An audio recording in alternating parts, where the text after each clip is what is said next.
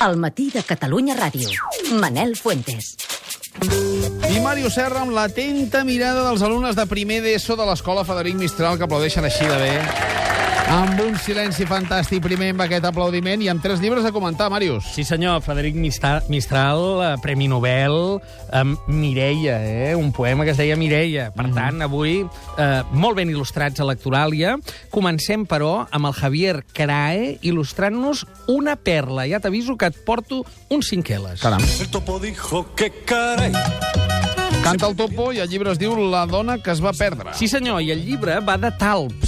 És de la Marina Espasa, és primera novel·la, això ho acaba de publicar Empúries, i és un excel·lent debut. És la història d'un arquitecte, una senyora que es diu Alicia, en una ciutat semblant a Barcelona, un món no gaire meravellós, t'he de dir, eh, que s'assembla molt al nostre. S'enamora un dia d'un topògraf, amb mulleres de pasta, tot plegat, i els seus socis, que es diuen Artur i Júlia, res a veure que hi hagi una Alicia i un Artur, tot i que és crítica social i actual, eh? Sí. Eh, però aquests eh, socis seus comencen a sospitar que és un talp. I llavors la novel·la fa un salt perquè entra en la dimensió fantàstica. Resulta que vivim en una raça de talps que ve d'un altre món i que venen a controlar una mica el nostre, que viuen al, so, al subsol, etc. Entres en aquest to que dius mm, anem cap a la literatura fantàstica, ens quedem en literatura realista, de crítica social, i és les dues coses. No és que ni l'una ni l'altra, sinó les dues coses. Té una entrada lluminosa amb aquesta història d'amor, després té un, diguem, un nus en el qual potser baixa una mica el ritme i un desenllaç esplèndid en el qual,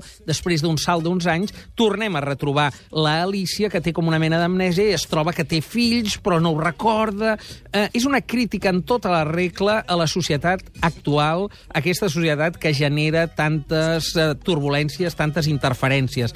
La Marina Espasa és eh, novella, però és coneguda pels lectors perquè ha format part sempre de programes de, de literaris. Crec que havíem anat a l'escola i tot. Havies anat tu a l'escola amb la Marina Espasa? Sí, sí, Carai, sí. fantàstic, veus? A la mateixa escola. Té, és dos anys més jove que jo. Dos anys més jove que tu. Doncs eh, uns quants talps que es devia inspirar a l'època, potser hi havia un subsol ric en la vostra escola, eh? Mm. Perquè recordo que va, vas anar amb moltes escriptores tu a l'escola. La Iolanda Bataller també, També, havia anat també, a tu a l'escola. sí, sí, sí, sí. Bé, en fi, una bona escola, en tot cas. Una grandíssima novel·la, vull posar èmfasi en això perquè estem a la campanya de Sant Jordi, pot eh, passar desapercebuda davant de mil novetats d'autors amb molt de renom, i jo recomano molt ferventment La dona que es va perdre. No us decebrà. És un plantejament narratiu joiós i que permet celebrar la vigència de la narrativa avui per fer una mica des de la ficció una dicció de la realitat, eh, tot i que hi hagi talps i coses fantàstiques, Alicia en Terra de Meravelles, per entremig Mots clau?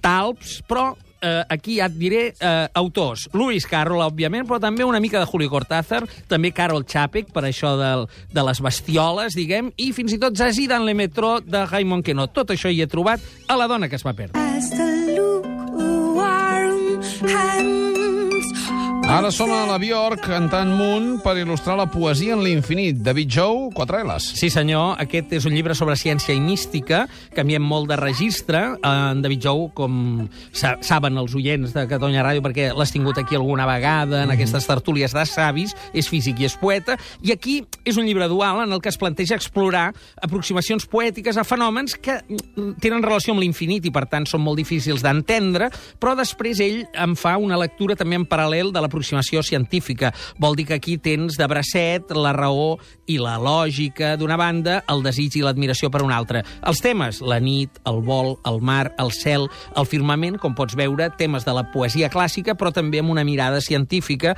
i, en tot cas, l'origen d'aquest llibre Pont és una cita que et, et llegeixo i amb això acabo, a l'inici, que diu les immensitats són expressades en unitats desbordants. S'esbrava la contundència de la sorpresa humanista i l'infinit esdevé, més que no pas un vertigen, una contrarietat tècnica en equacions opaques. David Jou vol vèncer aquesta contrarietat tècnica i acosta la poesia a la ciència. Benvingut sigui la poesia en l'infinit de David Jou, editat a Viena Edicions. Mots clau?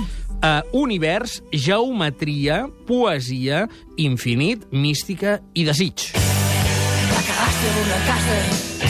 Els hombres que ens il·lustren el fullejat. Sí, senyor, acabem amb un llibre simpàtic eh, que l'il·lustra la cagaste Burlancaster perquè es diu Em vull fondre 100 ficades de peus a la galleda glorioses. És divertit? d'en Jordi Cantavella. És divertit, però podria ser-ho més. T'he de dir que el vaig agafar amb joia, que vaig dir, home, això és un fullejat esplèndid, vaig trobar l'alcalde Clos eh, explicant allò de, de la Ford i la General Motors, I matar els, els elefants a canonades. a canonada, els mosquits, a canonades, sí. que deia, etc.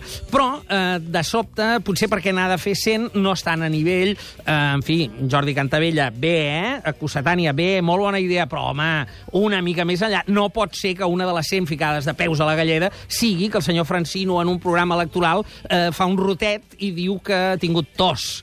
Eh, saps? Eh, Ja. Això baixa una mica el nivell. Hi hauria de- d'haver hagut, potser, un nivell més elevat. En tot cas, una d'aquelles iniciatives editorials que dius una bona idea, la gent sempre recorda aquestes ficades de peus a la galleda, potser haurien de ser més glorioses, però en tot cas la indústria editorial també es fixa en això. En Vull, Fondre, de Jordi Cantavella, Cossetània. Gràcies, Màrius. A reveure. Fins la setmana que ve. Adéu.